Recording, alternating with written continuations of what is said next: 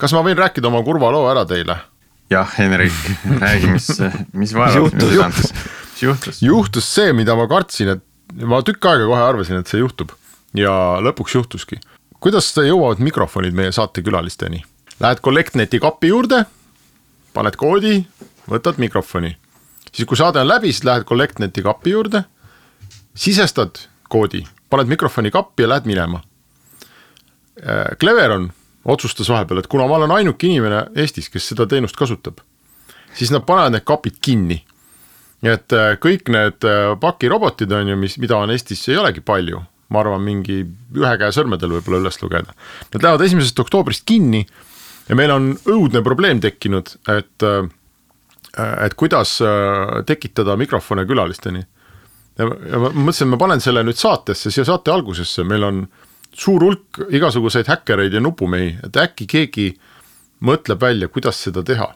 ja point on selles, et ma võiks saata, on ju, kulleriga või noh, a la Smartpostiga, aga see tekitab mingi sihukese paaripäevase läägi.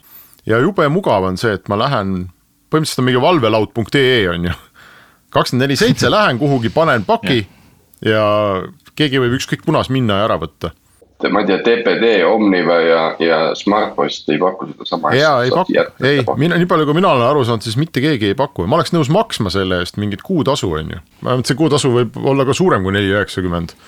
et, äh, et see on lihtsalt ülim mugavusteenus, et kui kellelgi kuulajatest on ideid kuidas see olukord lahendada või kuhu? valvelaudade Airbnb-d vaja. põhimõtteliselt jah. book'in endale valvelaua kuskil ära ja siis valvelaua inimene teab, et varsti tuleb see inimene selle paki järele. aga valvelauad on tänapäeval ju suhteliselt kadunud nähtus ka, eriti kakskümmend neli seitse valvelauad on ju, kus keegi võib minna mingi kakskümmend kolm, kolmkümmend ja paki ära võtta näiteks. ja see kakskümmend neli seitse on meie jaoks äh, tähtis, tähtis feature ka. just, et mõnikord tekivad ju külalised nagu ootamatult siis ma mõtlesin, et äkki peaks Parcelsiga rääkima, et topigu oma kast kuhugi noh, ma ei tea le, leiame mingi koha, on ju, seal Tiit sinu õlleka. minu maja ette võiks ühe kasti panna. et äkki mõni nendest kuulab, siis ma säästan ühe kõne. ja teine mõte oli see, et vaata, on seesama Cleveron teeb ju kauplustele neid äh, nii-öelda kaupluse enda pakiautomaate. tuntud elektroonikapood ÜE Internationalil on ju, äh, ÜE Intil, et ostad mingi asja ja siis müüja läheb, paneb selle sinna sahtlisse, saad koodi sa ei pea pärast seisma järjekorras poes. äkki keegi kuulab, kellel on selline võrgustik, igast mingit ehituspoodidel on ja et me saaks nagu ühe sahtli endale. me oleks hullult tänulikud ja me räägime siis, me räägime siis Tallinnast, aga no ideaalis võiks ju Tartus ka. ja ideaalis võiks olla Tartus ka mingisugune koht, kus on kogu aeg üks mikker, on ju. ja kui on külaline, läheb, võtab ära, pärast viib tagasi. et äh, nii-öelda, et me põhimõtteliselt tahaks reserveerida endale selline äh, noh, kakskümmend korda kolmkümmend sahtli, kuhu saab kakskümmend neli seitse ligi. jube mõnus oleks mm. ja seal võiks olla see masin nägemine, mis tagab selle, et juhend on alati mikrofoniga tagasi pandud see on, see on see, et triipkoodi lugeja töötab kolm korda paremini, ma olen jumala veendunud selles. jah, või siis, et sa saad mikri ainult kätte siis, kui sa oskad vastata kolmele küsimusele. Kust, kust otsast sellele sisse tuleb rääkida? Midagi sellist, ühesõnaga, see on minu kui produtsendi selline äh, palve, et kui mõnel kuulajal on geniaalne idee kuidas lahendada ära valvelaud.ee olukorras, kus Cleveron paneb oma toreda teenuse kinni või äkki klapime raha kokku, ostame ühe tünni ära, jätame ei, meil on rohkem vaja kui ühtegi. vist jah. see, seda tünni tegelikult saaks kasutada päris toredasti igasuguste muude asjade panemiseks, mõtlen siin. huvitav, huvitav, kas meie kallid, kallid kurjategijad ka kasutavad seda mingi asjade mm. transpordiks? jaa, see on küll hea mõte jah jaa, suht, suht legit nagu lähed nagu ausa näoga, võtad oma paki välja ja kõnnid minema nagu. Pärast võtad suitsu ette. Et kui Eesti, äh, Eesti narkoärikate liit peaks meid kuulama, siis me võime ja neil on äkki mingi hea võrgustik.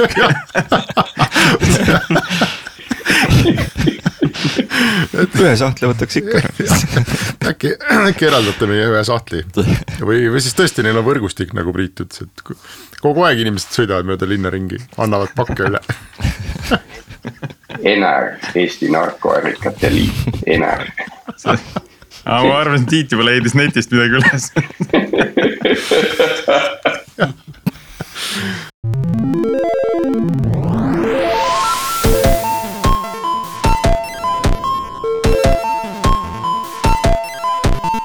tere taas kuulama Algorütmi on meie üheksakümne kaheksas episood ja täna on kahekümne kolmas september. Mina olen Priit Liivak Nortalist ja minuga taas stuudios Tiit Paananen Veriffist ja Martin Kapp Pipedrive'ist. sarnaselt eelmisele nädalale räägime ka täna masinatest, seekord aga masinate nägemisest ja nägemise õpetamisest. meil on loomulikult ka külaline, kelleks seekord on Taavi Tammiste Faimast tere, Taavi, räägi paari lausega endast, et äh, mis, mis su taust on ja millega sa enne, võib-olla enne Fimat oled tegelenud, sest äh, sellest ettevõttest me asume kohe niigi rääkima jaa äh,, minu taust on selles suhtes huvitav, et mul ei ole üldse nii-öelda andmeteaduse või masinõppe tausta hariduslikult poolelt. ma arvan, et enamus võib-olla Eestis praegu tegevatest andmeteadlastest on, on kuskilt mujalt tulnud. minu taust on tegelikult telekommunikatsiooni valdkonnast Äh, et mul on magistrikraad telekommunikatsioonis, alustasin oma karjääri siis erinevatest telekommunikatsiooniettevõtetest, äh, eelkõige Ericssonist ja Tele2-st. aga kuna nendel oli viis-kuus aastat tagasi suur probleem, mis nad oma äh, toodetega ja teenustega tegema hakkavad, siis see andmepõhine lähenemine läks, läks hästi oluliseks seal ja, ja tegelikult ma hakkasingi siis äh, esimest korda tegelema distributed computing'u ja masinõppega äh, Tele2-s äh, ja, ja seal. seal ma tegin esimesi lahendusi, mis puudutavad äh, äh, antennide katkimise ennustamisest finantskäitumise ennustamiseni ja nii edasi, nii edasi, nii edasi ja, ja esimene projekt, mis ma tegin, oligi selline, kus ma nägin, et, et, et tegelikult see, need andmed, mis meil olemas olid, millel oli ainult üks kasutus, igasugused logid või muud asjad. me kasutasime ära hoopis teisel eesmärgil ja me tegelikult teenisime päris palju äh, kasu ettevõttele sellest ja sellest ajast peale ei ole mul ai maailmast nagu tagasiminekut olnud ja, ja, ja ma olen just tegelenud sellise rakendusliku ai poolega peale seda Äh, peale Tele2 tulin Eestisse tagasi, äh, töötasin sellises ettevõttes nagu Moongascade, kus ma ehitasin üles nende masinõppe osakonna, ehk siis puutusime peamiselt kokku igasuguste erinevate aegandmete ennustamisega, natural language processing uga ja natukene ka masinnägemisega. Äh, aga üks hetk ma mõtlesin ikkagi, et tahaks rohkem keskenduda ainult sellele masinõppe poolele ja tegin enda masinõppe konsultatsioonifirma minu tol ajal võib-olla natukene naiivne mõte oli see, et jätaks selle tarkvara poole nagu täiesti kõrvale ja tegeleks ainult äh, tehisintellektiga. noh, see õppetund sellest ettevõttest oligi tegelikult see, et, et ütleme niimoodi piloote ja siukseid väikseid teste on võimalik nii teha, aga tegelikult, kui me ikkagi hakkame production grade asju ehitama, siis on vaja seda tarkvara poolt sinna ikka väga-väga juurde ja see ettevõte kestis kuskil aasta aega, tegime tegelikult päris suuri projekte, töötasime ühe suure Saksa farmaatsiaettevõttega Merck, kus me ehitasime, ma ütleks ühe sihukese edukama projekti minu ajaloos. kus me ennustasime ette nende allergiaravimite tootmist, kasutades ära siis inimeste Google'i otsinguid, kui nad hakkavad sümptomeid otsima ja õietolm õhus. ja, ja, ja muid siukseid asju, aga siis üks hetk me nägime, et see masinnägemise pool on, on äh, selles suhtes väga vähe kasutatud, et. Äh, et nende projektide tegemine võtab hästi kaua aega, et meil just äh, tegimegi Tallinna linnale ühte projekti, kus me pidime kaameratest tuvastama autosid lihtsalt, et aru saada liiklusvoolu ja, ja tegelikult see projekt võttis aega kuus kuud algusest kuni selleni, et midagi käima läks. ja, ja noh, see oli natukene võib-olla sihukene nagu ohumärk minu jaoks, et kuidas see ikkagi nii kaua aega saab võtta. ja noh, täna Fimas sarnase projekti tegemine võtab kakskümmend sekundit. et see on see, mis, mis me oleme siis tegelikult ehitanud. Nice okay., päris korralik võit. Taavi, sul on kindlasti nagu olles selles maailmas nüüd olnud nii Eestis kui välismaal, et. et sul on äkki ettekujutus, et kus täna Eestis just ettevõtete lõikes on ütleme masinõppe ja masinnägemise kompetentsikeskused Eh, nii-öelda sellised tuumikud. jah, noh, ma ütleks kindlasti algas, ma ütleks Starshipist, et Starship oli see, kes hakkas seda looma. mulle väga meeldib Starshipi puhul see challenge, mis neil on, et tegelikult nendel pisikestel robotitel pole ju väga palju arvutusvõimsust sees. et seal nad pidid olema hästi kavalad ja tegema minu arust ka enda riistvara selleks, et seda asja saab teha. kindlasti Veriffis, on ju, et äh, ma tean, et Veriffil on väga palju kompetentsi seal valdkonnas ja ähm, ega ma rohkem siukseid suuri kompetentsikeskusi tegelikult väga ei teagi, et. Äh, aga ülikoolidest keske... kui võtame, ma tean, Tartus on see ICV läheb, eks ju, et. jah, ülikoolides küll jah, Tartu on kindlasti nagu üks põhikoht, et meie enda andmeteadustiimi PhD-d on ka kõik Tartus tegelikult ja, ja, ja seetõttu on meil ka Tartu kontor. ja, ja, ja nagu seal on tegelikult see kompetentside tase päris kõrge. mis, mis on erinevus võib-olla ülikoolide ja nagu praktilise maailmaga on see, et et meil on ka tegelikult jaotatud ettevõttes andmeteadustiim ja tarkvaraarendustiim väga nagu selgelt lahku ja põhjus ongi tegelikult selles, et need kõige uuemad äh, objekti jälituse või, või objekti tuvastuse algoritmid äh, pahatihti ei ole rakenduslikult kasutatavad just nende riistvara nõuete pärast. et äh, see on hästi oluline osa, noh vähemalt meile, kes me töötleme reaalaja videosid mm. -hmm. et, et tagantjärgi töötavad väga äh,, väga efektiivselt aga või võib-olla mitte väga efektiivne vale sõna vist, et väga hea tulemuse annavad, kõrge täpsusega töötavad, aga võib-olla mitte väga efektiivselt. jah, no ütleme, et seal on see klassikaline nagu case, et sa saad, sa saad selle valmis, sa saad selle üles, sa saad selle jooksma. ja kui sa arvutad kokku oma Amazoni kulu peale seda, siis kliendile seda on natuke raske müüa. Et, et, et see on see nagu keeruline osa.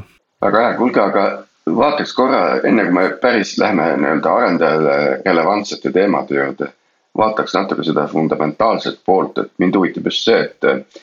et kui me nüüd läheme masinnägemise peale, mis on üks, üks ütleme selline suur valdkond masinõppest tervikuna, et siis mis, mis uurimisvektoreid täna seal nagu arendatakse, et mis, mis on need masinnägemise meetodid või, või, või jah, ma ei oska isegi küsimust hästi küsida, aga ma äkki saad aru, Taavi, millest no, ma mõtlen.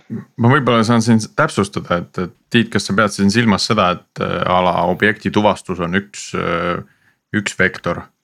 Äh, et, et mis, mis seal nagu veel on, et. Et ka, kastist välja piiluv kassipoeg juba tuvastatakse ära, on ju, et ei pea terve kass pildi peal olema. et mm -hmm. aga noh, mis, mis siis valdkonnad veel on, millega tegeletakse? Noh, ütleme niimoodi, et, et, et seal masina nägemises neid valdkondi, kus kus, mida nagu väga uuritakse praegu research tasemel on hästi palju uh,. Need, need jaotatakse laialt laastus äh, kolme nagu erinevasse klassi, üks on detection accuracy ehk siis tuvastustäpsus.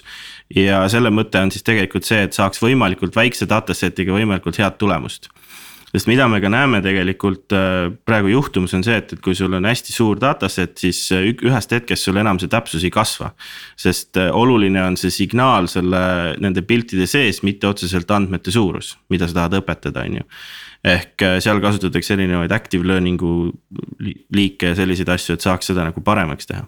siis teine asi on objekti jälgimine liikuvas pildis või object tracking. see on nagu selles suhtes oluline, et kui me räägime videost siis äh, see objekti jälgimine on tegelikult üks olulisemaid asju tuvastuse järel.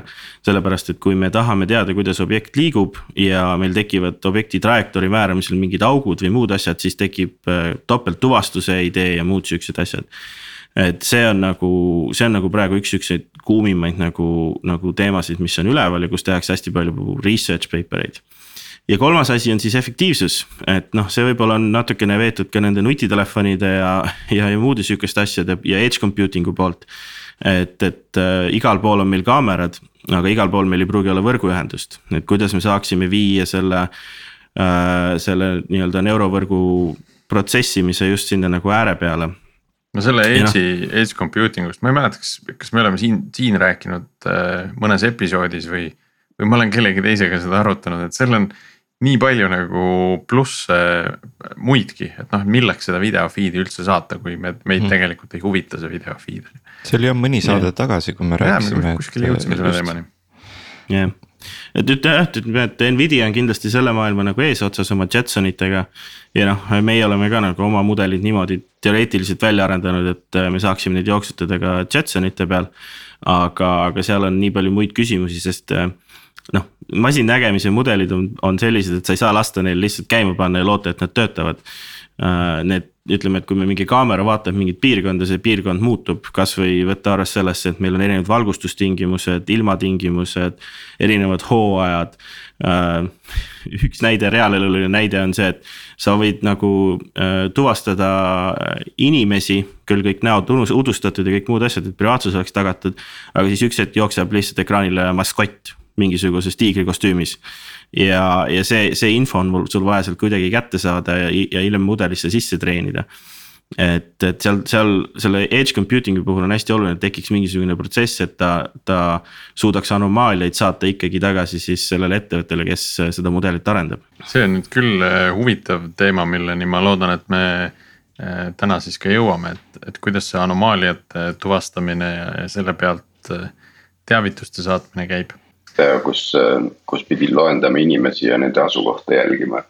ja siis jooksis must gorilla läbi ja mitte keegi ei näinud seda musta gorillat nagu inimestest. see oli hea, et inimesed pidid loendama inimesi, eks ole yeah. ja sellest on mingi hea video on kuskil Youtube'is kindlasti meie kuulajad leiavad üles. jah, ma tahtsin veel seda siia küsida, kui me nagu oleme praegu veel selle saate alguses, et et millised on need fundamentaalprobleemid nagu, mis on täna veel lahendamata et, et noh, on, on see uuringud ja, ja. mida teha ei saa. jah, rakendus või rak, rakenduslik võimekus on jõudnud kuhugi maale. aga mingid asjad on, mida kõik masinnägemise insenerid jagavad, et, et need asjad on lahendamata äh, noh, ütleme, et esimene asi, mis mul kohe meelde tuleb võib-olla nii-öelda professionaalsest kretinismist on see, et äh, et meil ei ole ikkagi piisavalt häid selliseid äh, eeltreenitud mudeleid või, või piltide nii-öelda kogumeid, et kui me räägime sellest, et kui meil on vaja õpetada masin tuvastama ära näiteks autot, on ju, siis ma võtan eeltreenitud äh, dataset'i, näiteks Coco dataset'i. võtan oma selle keskkonna, kus mul on autod, võtan sealt kaks tuhat pilti, treenin sinna peale ja, ja see tuvastustäpsus tuleb sinna üheksakümne viie plussi peale kenasti, ei ole probleemi nüüd, kui mul on vaja tuvastada kruiisilaevu vasakut tüüri, siis mul ei ole seda dataset'i. ja mul on vaja tegelikult circa kolmsada tuhat pluss pilti võib-olla isegi äh, sellest konkreetsest tüürist erinevates keskkondades, erinevate nurkade alt, kõik muud sellised asjad. et see asi saaks nagu parem, nagu korralikult tööle et see andmete kättesaadavus, andmete kogumine on kindlasti ka üks asi, mis on ai startup idele äh, äh, nii-öelda pärsib nende arengut ja pärsib nende kiirust, eriti kui nad teevad mingit väga suurt äh, niši äh,, niši valdkonda. noh, ideaalne näide minu silmis on kõik need ähm, äh, auto mõlkide tuvastamis startup'id, et, et, äh, et noh. kas neid on mitu näiteks... või kui sa ütled kõik, et? jaa, ma just hiljuti vaatasin, et mul ei tule see nimi meelde, aga üks oli just sai vist hiljuti isegi unicorn'iks äh, kuskil USA-s mandris aga, aga noh, seal nende kõige suurem probleem ongi see, et kui ma tahan autot tuvastada, siis noh, autosid on nii palju. aga see, mitut moodi ma saan oma auto ära mõlkida, see on lõpmatu, on ju. ja ma pean selle kuidagi nagu selgeks õpetama talle. sarnane eh, probleem eh, tuli, tuli mul pähe ka sellega, et me mõned aastad tagasi kuskil eh, puidutööstuses tegime projekti, millega me tuvastasime siis liini peal defektseid objekte noh, et jookseb mingi hunnik materjali läbi ja sa pead seal neid defekte tuvastama. Aga noh, mina isiklikult selle projektiga kaasas ei olnud. Ja, ja ma hästi ei usu, et neil oli kolmsada tuhat äh, nagu defekti pilti võtta kuskilt. et kuidas, kuidas sa seda mahtu siis nagu vähemaks teed, et kui sul see mõlkide teema nagu täpselt samamoodi, et, et sul ei ole võtta nagu kolmesadat tuhandet mõlgitud autot selleks, et seda tuvastust teha noh, kõige lihtsam viis just näiteks selle puidu, äh, see on suhteliselt sihukene nagu tavaline use case tegelikult, mida täna tööstuses kasutatakse, defektide tuvastamine. mis sa saad seal teha, on see, et sa saad tegelikult ähm, fikseerida ära äh, oma selle nii-öelda vaadeldava keskkonna. et kui me räägime näiteks noh, sellest mõlkide tuvastamist ja, ja paneme nii-öelda selle nii-öelda nutitelefoni inimese kätte, et ta teeb ise selle pildi ja see pilt on alati iga erineva nurga alt, erinevates mm -hmm. valgustustingimustes ja nii edasi, nii edasi mm. -hmm. siis tööstuses sa saad teha seda, et sa paned liini peale fikseeritud kohta äh, kaamera fikseeritud valgust, valgustustingimustesse. kõik muud sellised asjad ja sul on tegelikult kohe vaja väga palju vähem pilte selleks, et see nii-öelda defekt sealt üles leida.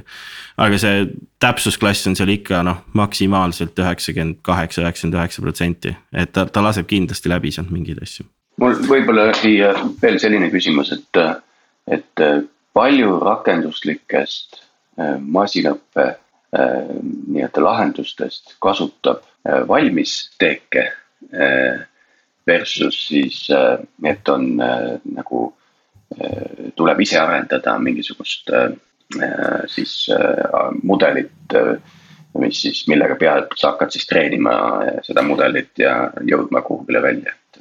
Kas masinõpe või masinnägemises? masinnägemises, räägime nägemisest täna. nägemisest, masinnägemises ma, ma julgen väita, et valdav enamus selles suhtes et kui me räägime mingisugusest objekti tuvastusest, siis kindlasti kasutatakse eeltreenitud äh, set'e, data set'e. puhtalt sellepärast, et sa hoiad nii palju aega kokku. Need startup'id, mis isegi, isegi kui ma tahan seda auto mõlgi tuvastust teha, siis tegelikult ma alustan ju äh, autopiltidest tegelikult, sest ta peab aru saama ka, mis asi on auto, on ju kui mul on vaja tõesti mingit väga-väga suurt niši asja teha, äh, siis, äh, siis ma tõesti pean seda nullist treenima. aga ka näiteks isikutuvastus, kui mul on vaja aru saada, kas see inimene on see inimene. siis ma kasutan mingit FaceNeti teeki selleks, et selgeks õpetada mudelile, et see on tegelikult inimene. ja, ja siis ma õpetan sinna peale, et see inimene on Taavi, on ju. Et, et, et äh, ma julgen kasut-, väita küll, et valdav enamus praegu äh, rakenduslikest aplikatsioonidest kasutab mingisuguseid äh, valmis tehtud piltide dataset'e. aga kes need datasid set'id kokku paneb siis nagu? noh, see, eks ta ole samamoodi nagu, nagu tarkvaraarenduses, et sul tekivad siuksed community'd teatud asjade ümber kes hakkavad siis äh, neid dataset'e kokku panema ja noh, see on kohati võib-olla päris keeruline, et noh, ka meil endal on see, et ähm, sul peab ju olema õigus kasutada neid pilte ka, sa ei saa lihtsalt suvalisi pilte Google'ist äh, äh, niimoodi alla tõmmata ja siis neid oma, oma mudelisse sisse visata ja siis loota, et kõik on parem äh,. Et et, et tegelikult üldiselt kipuvad need olema suurte ülikoolide äh, siuksed research osakonnad, kes siis neid haldavad ja, ja kes neid nagu parandavad. aga see võib ka olla nagu mingi üks inimene, kes on lihtsalt midagi väga-väga suurt ära teinud, et äh, minu arust Coco dataset oli mingi ülikooli oma täitsa ja FaceNetid, ImageNetid ka, et. kas need, noh see dataset, kas seal ongi reaalselt see kolmsada tuhat pilti või on seal andmestik, mis on siis sellest kolmesajast tuhandest pildist välja loetud äh, näotuvastusmudeli äh, jaoks? Äh, dataset tavaliselt koosneb, koosneb piltidest ja märgenditest või label itest siis. Need on seal yeah. juures, et yeah. pildid on ühesõnaga kaasas ikkagi jah, aga enamus dataset'e koosneb tegelikult niimoodi, et sul on noh, näiteks jällegi Coco, mis on kõige nagu kuulsam nendest. minu arust Cocos on kolmsada tuhat pilti, aga neist kakssada kakskümmend tuhat on ainult label datud Äh, põhjus, miks see nii tehtud on, on see, et sa saaksid kohe ka valideerida oma treenitud mudelit äh, piltide peal, mis ei ole siis nagu sisse treenitud algoritmi. et sa saaksid aru, et mis täpsus see päriselt on, sest kui sa valideeriksid äh, samade andmete peal, millega sa mudelit treenid, siis see täpsus on sul üheksakümmend üheksa koma üheksa üheksa üheksa ja see ei aita kedagi nagu. räägime korra Faimast ka, et sa korra juba mainisid, et selline autotuvastus kahekümne sekundiga tehtav, muidu varem võttis kuus kuud aega. mis, mis selle unikaalseks teeb, kuidas see saavutatud on, mis, kust see tuleb? Äh, noh, meil ütleme niimoodi, et Faima nagu põhimõte ongi selles, et sa saaksid suvalise kaamera ühendada meie platvormi külge. ja, ja sa saad hakata sealt nagu andmeid välja võtma äh, mida me oleme teinud, on täpselt see asi, mida, mida ma ka enne mainisin, et me oleme fikseerinud ära kaamera selle nii-öelda vaatenurga. Äh, et meie, meie ka, meie nagu platvorm saab aru siukse kolmekümne, kolmekümne kuni neljakümne viie kraadise alla nurga pealt äh, objekte. ja see on tegelikult turvakaamerad ja meie mõte ongi see, et, et kui maailmas on minu arust miljardeid erinevaid turvakaameraid, mida vaatavad võib-olla vähesed või siis mingisugused turvamehed kuskil valvelaudades, siis tegelikult sealt jääb meeletus koguses andmeid nagu kätte saamata. ja Faima nagu põhimõte ongi see, et need kaamerad saaks ühendada platvormi külge ja, ja selleks, et seda teha adekvaatselt ja, ja hästi, oli meil vaja lahendada ära tegelikult kolm probleemi. üks on privaatsus, et niipea kui, kui me nagu seda arendama hakkasime, me saime aru, et, et nii software'i stack, nii meie majasisesed protsessid kui ka meie juriidiline pool. peavad kõik toetama seda privaatsust ja see privaatsus peab olema sisse ehitatud kuni näiteks selleni välja, et meil praegu, kui meie andmeteadlased treenivad mudeleid. siis äh, nad märgendavad andmeid niimoodi, et inimeste pead ei jää sisse. mis tähendab seda, et see neurovõrk ei õpi kunagi ära nägema kellegi pead, et ta tuvastab tegelikult siluetti. ja, ja teine suur asi, mis me pidime ära lahendama, no on. boonus on see, et tuvastatakse ka see peata ratsanikene põhimõtteliselt jah Äh, teine suur asi, mis me pidime ära lahendama, on kindlasti kulupool, et nende masinnägemise äh, algoritmide, neurovõrkude jooksutamine, noh neid jooksutatakse tavaliselt GPU-de peal. GPU-de peal see kipub olema päris kallis ja, ja sellest ajast peale, kui me alustasime, me tegelikult oleme seda kulu vähendanud kuskil võib-olla natuke rohkem kui viis korda. kas te jooksutate seda kõike nagu enda GPU-de peal, on teil nurgas mingi hunnik masinaid? kus te kõik meie asi, kõik meie asi jookseb Amazonis, et äh, meil on enda GPU-d nurgas ka, need on põhimõtteliselt mõeldud siis nii-öelda. mudelite treenimiseks ja eksperimentide jooksutamiseks, aga kogu see asi jookseb pilves. ja noh, me vaatame tulevikus ka nende edge computing'u seadmete poole, aga praegu ta on jah AWS-i põhine. ja, ja miks AWS-i põhine ongi see tegelikult, et kuna see see tarkvara on niimoodi põhimõtteliselt nagu software as a service meetodil välja arendatud, siis iga kord, kui keegi tuleb, paneb uue kaamera meie platvormi, kogu back-end'is automaatselt provisioneeritakse talle infrastruktuur, GPU-d.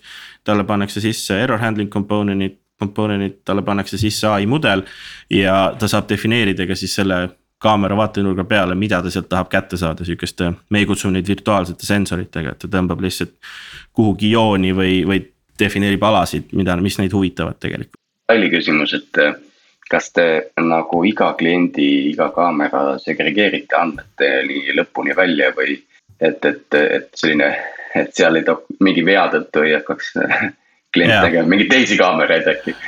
ja, et äh, see, see meil täitsa nagu toimub, et see on jällegi puudutab seda andmete privaatsust ja, ja seda osa, et meil on kõik asjad nagu kenasti lahku löödud ja, ja see arhitektuuri pool on, on üles ehitatud.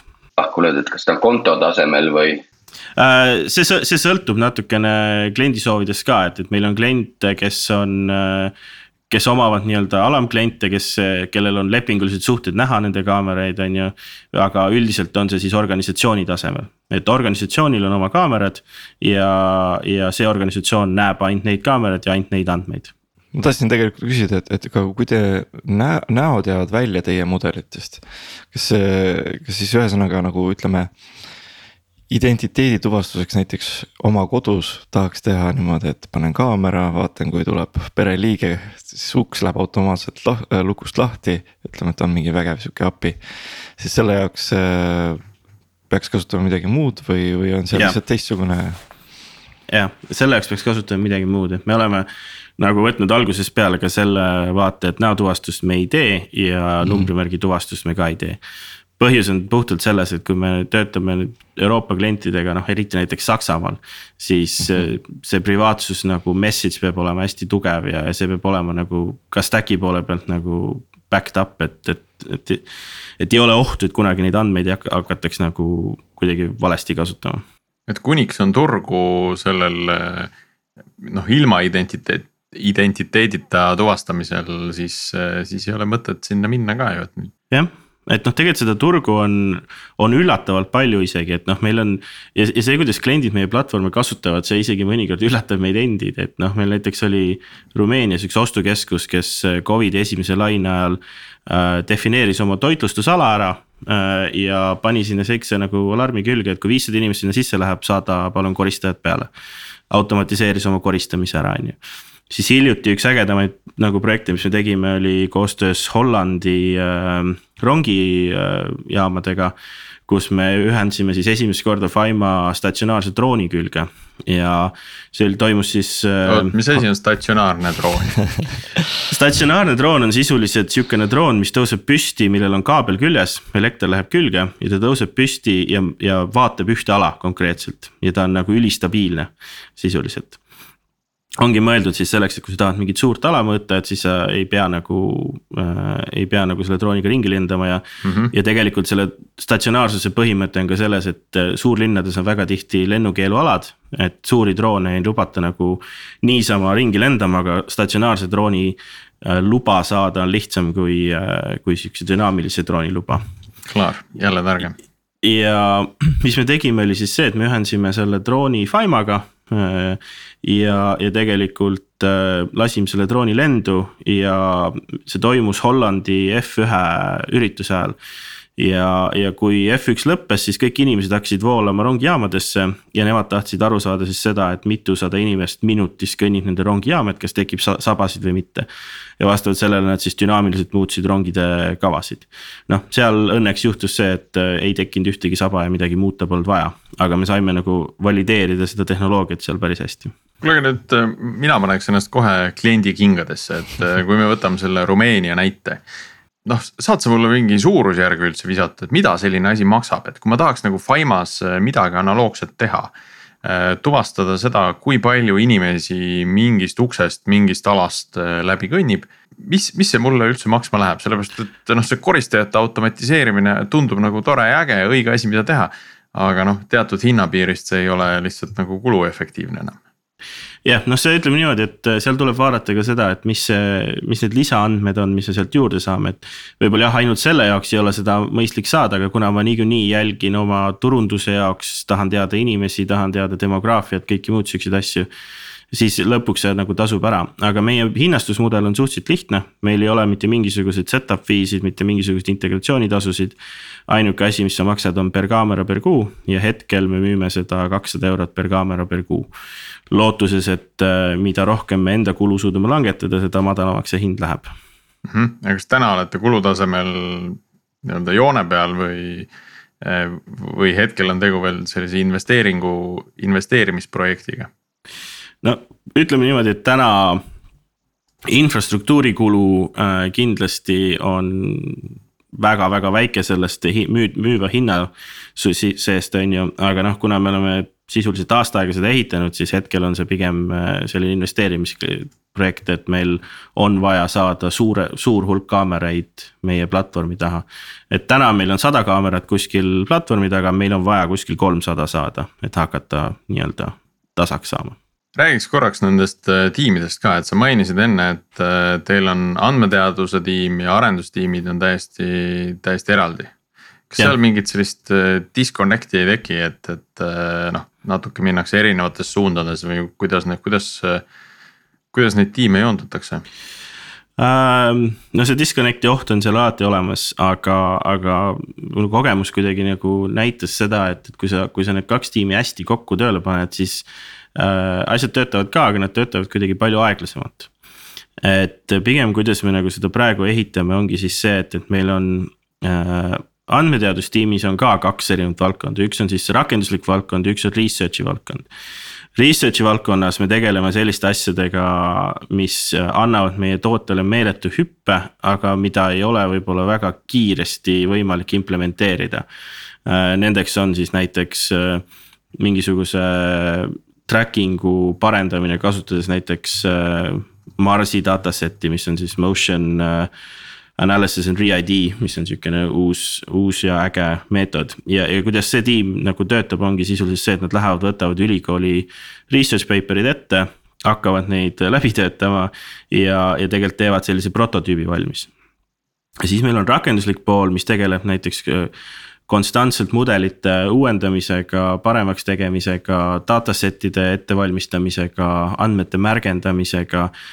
ühesõnaga sellega, et see, mis tuleb sealt research poolest, on võimalik tegelikult äh, anda üle tarkvara poole peale. ja see flow, kuidas me selle ehitanud oleme, ongi tegelikult niimoodi, et kui need kaks sammu on tehtud, siis tarkvara pool saab endale kätte väga konkreetse ülesande see tähendab seda, et võta see mudel, võta see uus moodul, tee see võimalikult production ready'ks, võimalikult efektiivseks ja nii edasi ja nii edasi ja nii edasi.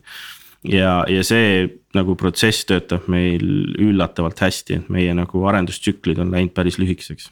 kuidas motiveerite neid inimesi püsima seal rakenduslikus pooles, et noh, see võiks ju arvata, et kõik andmeteadlased tahavad hops sinna research poolde hüpata, sest seal on ikka see bleeding edge ja kõige ägedam, kõige ägedam action toimumas äh,. kusjuures ei ole, tegelikult, sest üks asi, mis, mis on vahe selle research'i rakendusliku poolega on see, et rakenduslikus pooles sa näed kohe tulemusi Mm -hmm. või noh, sa näed väga kiiresti tulemusi. et äh, versus see, et sa töötad kuus kuud millegi kallal ja siis alles näed mingisugust asja, on ju. pluss seal võib olla, et lükkad niisama sahtlisse ka, et ei töötagi täpselt ja, ja noh, nagu inimesed on hästi erinevad, et selles suhtes tuleb vaadata, et kellele üks pool meeldib ja kellele teine pool meeldib. Et, et, et tegelikult meil ongi niimoodi, et need nii-öelda need inimesed, kes research'is töötavad, on pigem sihukese akadeemilise taustaga ja, ja nagu. Need inimesed, kes applied poole peal töötavad, on pigem sellise inseneri taustaga see on jah, selles mõttes huvitav, äh, mõtlen, kui palju mõelda selle struktuuri peale üldiselt, et siis. et sul on mingisugune masinõppetiim või, või siis sul on seal, ütleme selle data ettevalmistuse inimesed, eks ju. Siis sul on -hmm. selle mudeli treenimise inimesed, on ju, ja siis sul on -hmm. selle nii-öelda treenitud mudeli efektiivse rakendamise nagu inimesed põhimõtteliselt. noh, meie, meie puhul, meie puhul on isegi niimoodi, et see treenitud mudeli efektiivne rakendamine juba läheb tarkvarasse mm. -hmm. puhtalt sellepärast, et meil on meil on olnud vaja tegelikult teha see kogu meie nii-öelda pipeline hästi efektiivseks, et selleks, et see kulu alla saada. see tähendabki seda, et kuni sellest peale, et kui meil äh, kaader tuleb tegelikult sisse. siis esimesed asjad, mis tehakse, on põhimõtteliselt, äh, meil on sihuke sees kirjutatud FFmpegi librade alusel dekode-, deko-, dekooder. mis laseb selle kaadri siis tegelikult Äh, meie Tritoni serverisse, mis on siukse Nvidia poolt äh, välja arendatud inference'i server. mis võimaldab siis ühele mudelile rakendada mitut äh, kaamerat sisuliselt. ja, ja tegelikult see osa kõik, kogu see nii-öelda inference pool on tegelikult tarkvara käes. et andmeteadustiim tegeleb ainult uute mudelite ehitamisega ja, ja nii-öelda noh, kui meil tuleb mingi uus feature, näiteks meil on vaja kiirust tuvastada praegu, siis see, selle esimesed nagu algoritmid mõtleb ära andmeteaduspool, aga implementatsioon läheb tarkvara kätte mm. -hmm. et tegelikult kogu see andmeteadus on, on, on natukene nagu research mingis mõttes, et nemad lahendavad selle probleemi teatud piirini ära ja, ja tarkvara saab selle juurutamisega tegeleda just. Ja, ja see oligi see, et noh, kui ma siin enne rääkisin, et ma tegelesin sellise nagu ai konsultatsioonifirmaga, et siis, siis me tegelikult tege-, tegelesime mingi research'iga ainult, ma lihtsalt ei saanud tol hetkel sellest aru väga. et, et, et, et selleks, et ikkagi midagi praktiliselt käima panna ja ka niimoodi, et ta üleval püsib ja et mälukasutus lõhki ei läheks ja nii edasi, nii edasi, nii edasi, siis see on nagu hästi oluline just see tarkvara pool seal tahaks korra veel tagasi tulla selle masinnägemise nagu tüüpidesse, et, et ütleme. mida siin tavaline inimene suudab ette kujutada, võib-olla mingi tekstituvastus ja, ja objektide tracking ähm,. aga võib-olla natuke sinna sisse minna, et mis, mis äh, tüüpi teeke ja dataset'e täna nagu on, et kas need on puhtalt nagu use case'i põhised äh,. või, või on äh, mingi metoodika põhised noh, ütleme, et neid, neid dataset'e on jah, väga-väga palju erinevaid, need on pigem use case'i põhised. Äh, et noh, tegelikult on noh, kui me räägime näiteks, võtame alustuseks tekstituvastus on ju. Mhm. tekstituvastus klassikaliselt äh, äh, on lahendatud ära OCR-iga on ju äh, -hmm.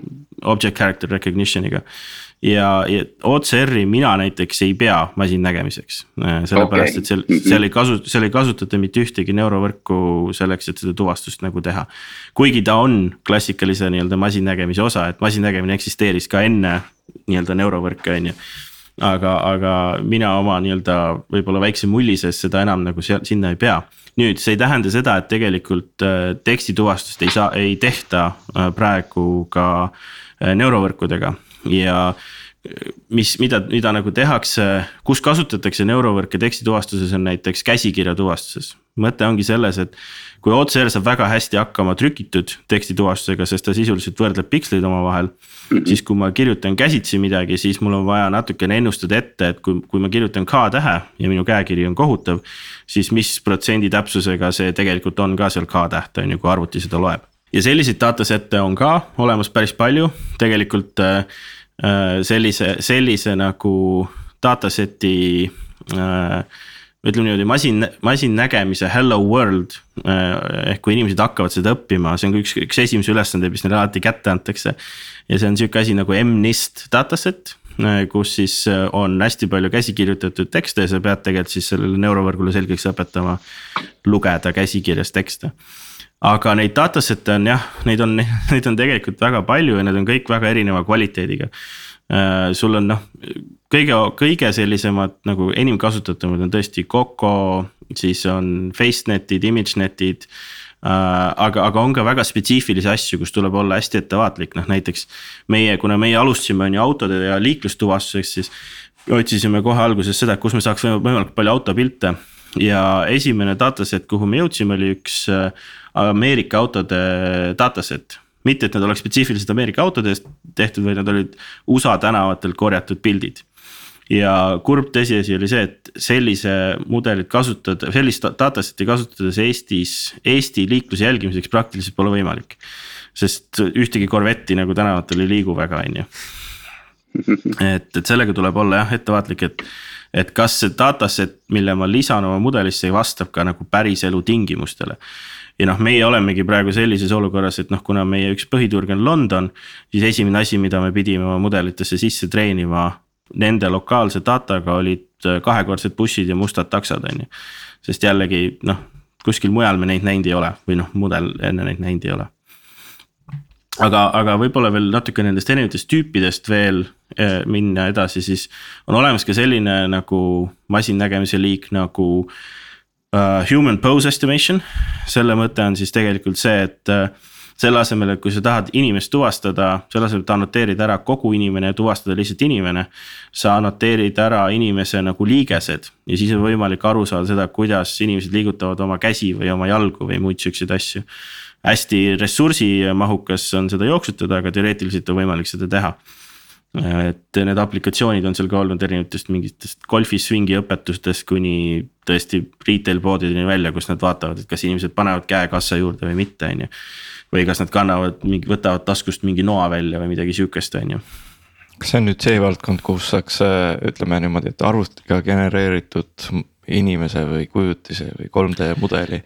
panna liikuma siis kaamera, kaamerat inimesele suunates nagu päris inimese, kas see on nagu või kus selline jah, ütleme, et see on üks asi, aga see, see pigem, millest sina räägid, on kogu see selline äh, äh, genereeriv äh, pildituvastus või näotuvastus või, või need mm -hmm. deepfake'id on ju. et kus kasutatakse kanne ehk siis neid äh, general adversarial neural network, network'e ja see on siis sihuke nagu esimene ütleme masinõppe liik, kus on võimalik ka genereerida uusi andmeid, mida mudel pole enne tegelikult näinud et kui siiamaani, kuidas see masin nagu õpe nagu vähemalt rakenduslikul tasemel töötab, on niimoodi, et kõik, mis sa õpetad, seda ta suudab tuvastada või, või teha mm. -hmm. et äh, kõik, mida ta pole näinud, on tema jaoks natukene anomaalia.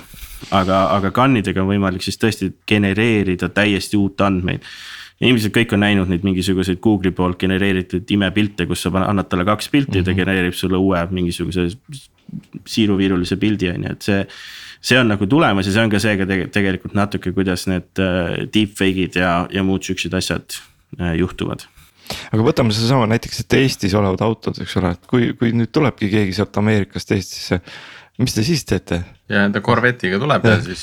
muidu ei ole. Eesti mudel korvetti näinud noh, ta päris, ta päris nii, nii äh, ei ole, võib-olla see natuke lihtsustatud näide, et tegelikult ikkagi, mida see mudel nagu ära õpib, kui ta vaatab seda pilti, ta õpib ära selle konkreetse objekti nagu feature'id või featuurid mm, -hmm. et. et ta õpib ära, noh hästi lihtsustatult öeldes, ta õpib ära rattad, aknad, uksed, seda, et ta saab aru, et see on ikkagi auto tegelikult mm. -hmm. et et, et kui, kui sa näitad talle ütleme niimoodi hästi palju selliseid autotüüpe, mida Eestis ei ole, näiteks mingisuguseid pick-up'e on ju.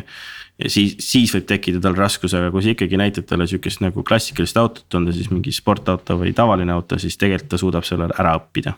noh, paar Küll, aga... pick-up'i viskad ka sisse, et päris nagu yeah, tundmatu yeah. loom ei ole. see, see läheb truck klassi alla, on ju aga enne sa rääkisid äh, sellest anomaaliate tuvastamisest ka ja selle anomaaliate peale äh, siis teavitamisest, et noh, kui nüüd ongi see olukord, et keegi sõidab selle double deckeriga siia, äh, siia Eestisse kohale, on ju.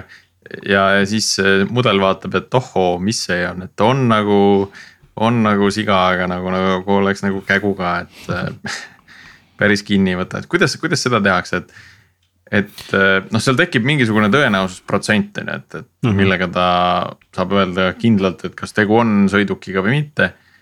või kas tegu on autoga või mitte ja võib-olla see sõiduki klass on siis veel täiesti nagu eraldi. no selleks, kui meil mingid niisugused anomaaliad tekivad, siis on paar erinevat viisi, kuidas seda nagu tackle ida. mingit aut-, fully automaatset lahendust tegelikult on väga raske sinna teha, on ju. Sellepärast, et sama hästi, kui see mudel ei ole ühtegi sihukest anomaaliat näinud, siis sama hästi see maskott seal põranda peal võiks olla tema jaoks põrand, on ju. ta lihtsalt mm -hmm. ei mhm. ole ühtegi mustrit sisse treenitud nüüd äh, maskoti puhul on selles suhtes eelised, et tal on enamasti ikkagi käed ja jalad ja torso, on ju mis tähendab seda, et sa saad sealt kätte väga madala äh, mean average precision'iga tuvastuse klassi, on ju. ja, ja kuidas, kuidas meie nagu oleme seda teinud, on see, et, et me aeg-ajalt äh, vaatame üle hästi madala tuvastusega äh, tuvastusi ja kuidas me seda teinud oleme, on see, et kuna me tegelikult ei salvesta ühtegi videot, mida me, mida me töötleme äh, tänu GDPR-ile ja muudele sellistele asjadele. siis me võtame random'iga välja äh, iga teatud aja tagant madala tuvastusklassiga objektid ja vaatame need üle. kas meil on vaja uut klassi, kas meil on vaja mingit tüüpi sisse treenida ja nii edasi, nii edasi, nii edasi. või kui meil on tõesti sihukene Londoni case, kus me tegelikult teame ette juba, et, et meil on vaja mingisugust äh, uusi klasse nagu tuvastada, siis me lihtsalt nagu otsime võimalikult palju sellist datat ja söödame selle äh, sisse sinna algoritmi et, et, et see tuva, et see tuvastus mingil tasemel hakkaks tööle. ja siis me kasutame natukene sügavamaid neurovõrke kui need, mis meil jooksevad nagu live kaamerate peal. selleks, et äh, otsida piltidest välja veel siukseid objekte sügavamad neurovõrgud on aeglasemad, neid ei saa nagu live videote pealt otseselt võib-olla jooksutada aga neid saab kasutada selleks, et otsida veel näiteid samasugustest objektidest. ja siis me paneme kokku tegelikult uh, uue dataset'i, millega me treenime uue mudeli ja meil on tegelikult uus mudel käes. keeruliseks te ei, te ei salvesta neid pilte, kuidas, kuidas te need objektid siis leiate, kas te võtate random'iga sealt mingeid screenshot eid, kaadreid on ju, salvestate maha, et seda vaadata? iga, iga kaadri puhul tegelikult, mida me teeme, me saame kätte objekti mean average precision tuvastuse. ja kui me näeme, et see uh, mean average precision on madal, siis me suudame random'iga tegelikult võtta seal need kaadrid välja iga mingisuguse aja mm, -hmm. ajavahemiku tagant tegelikult. noh, piisab ja ühest, ühest-kahest kaadrist, et ise hinnata, et äh, kas tegelikult ongi Täpselt. muster põrandal või, või mingi mingisugune maskott seal hüppamas. täpselt, täpselt, et noh, meil tegelikult on ka iga uue mudeliga, mida me lansseerime, on sihuke kahenädalane nagu vaatlusperiood ka, kus me vaatame sü sügavamalt nagu sellesse mudelisse sisse, et. kas on mingid artefaktid, kas mingisugused, ma ei tea äh, postid tänaval tehakse, tuvastatakse inimesteks või mingeid siukseid asju, et noh, igasuguseid asju juhtub tegelikult äh, siin masinnägemises. kui palju ähm, on ette tulnud sellist nagu täiesti Eh, noh, kuidas ma ütlen siis äriloogilist keerukust nagu huvit- hu,, huvitaval kombel, et, et kui te tuvastategi, loetegi neid autosid, eh, hindate liiklusvoolu. Eh, keegi sõidab ATV-ga sisse, no okei okay,, üsnagi läheb sõiduki alla, keegi tuleb siis nüüd hobuse ja kaarikuga sinna sisse, et. no mis siis nüüd täpselt see on ja, ja võib-olla neid võimalusi on veel, et, et kus nagu peabki päriselt otsustama, et kas see nüüd tuleks sinna sisse treenida või me ütleme, et see on täielik anomaalia, et eh, never gonna happen again? selliseid asju otseselt väga nagu ei ole meil olnud, eh, puhtalt sellepärast, et eh, kui vaadata seda, kuidas kliendid meie andmeid kasutat-, kasutavad. siis nad kasutavad neid selliste nagu reaalaja otsuste tegemiseks, on ju. aga nad kasutavad ka seda sihukeseks pikaajaliseks analüütikaks, et kuidas peaks nagu tänavaid ümber tegema, kuhu peaks paigutama reklaame. kui palju oma reklaamide eest raha küsida näiteks ja igasugu siukseid asju ja, ja, ja fakt on see, et see üks hobune, kes sealt mööda kõnnib või, või see üks ATV tegelikult ei mõjuta nende seda, seda nagu otsustusvõimet väga palju mm. -hmm. küll aga on meil olnud selliseid vestlusi näiteks, et kui me räägime mikrobussidest. siis äh, mikrobussid on selles suhtes huvitav äh, klass, et kui mikrobuss sõidab sinu suunas, siis ta näeb välja täpselt nagu auto eest tegelikult.